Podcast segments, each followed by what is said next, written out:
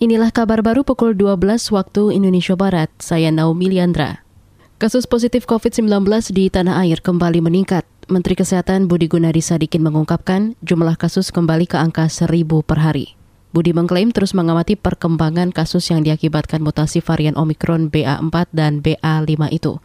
Menkes memprediksi puncak kasus harian di RI bakal mencapai 20 ribuan per hari. Jadi kalau kita Delta dan Omikron puncaknya di 60 ribu kasus sehari, kira-kira nanti ya estimasi berdasarkan data di Afrika Selatan mungkin puncaknya kita di 20 ribu per hari karena kita pernah sampai 60 ribu per hari paling tinggi. Menkes Budi Gunadi Sadikin memaparkan bahwa fatality rate kasus di Indonesia lebih rendah atau 1 per 12 atau 1 per 10 dari Delta dan Omikron. Dengan perhitungan tersebut, dia memprediksi lonjakan kasus COVID-19 akibat BA4 dan BA5 itu berakhir di pekan keempat Juli 2022.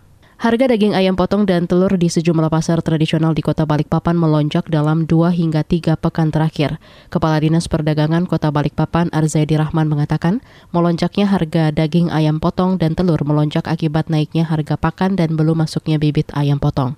Saat ini harga ayam potong di sejumlah pasar tradisional untuk ukuran kecil mencapai Rp60.000 per ekor dan ukuran besar Rp80.000 per ekor. Sebelumnya, harga berada di kisaran Rp27.000 per ekor, sedangkan harga telur ayam naik dari Rp1.500 per butir kini menjadi Rp1.900 per butir.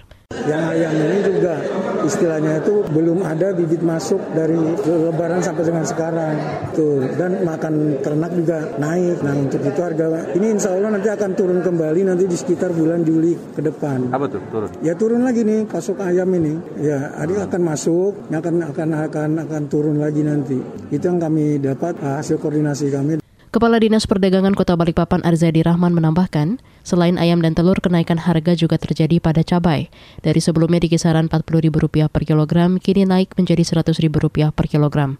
Menurut Arzaidi, kenaikan harga disebabkan tidak adanya pasokan dari Jawa Timur dan hanya mengandalkan pasokan dari Sulawesi, khususnya Palu. Badan Meteorologi, Klimatologi, dan Geofisika BMKG menjelaskan hujan yang masih terjadi di Jabodetabek dan sejumlah wilayah Indonesia karena aktivitas La Nina. Fenomena ini menunda musim kemarau.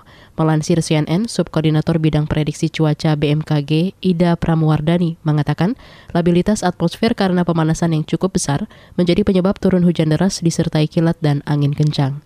Ia menambahkan sebagian wilayah Indonesia sedang mengalami peralihan musim dari musim hujan ke kemarau atau disebut pancaroba. Saat ini berdasarkan data BMKG, sebanyak 26,6 persen wilayah Indonesia masuk awal musim kemarau. Sebagian sisanya baru masuk kemarau pada Juni hingga Juli. Peralihan musim di wilayah Indonesia diprediksi akan berlangsung pada akhir Juni-Juli. Kini baru sekitar 50 persen wilayah Indonesia yang sudah beralih ke musim kemarau. Demikian kabar baru KBR, saya Naomi Liandra.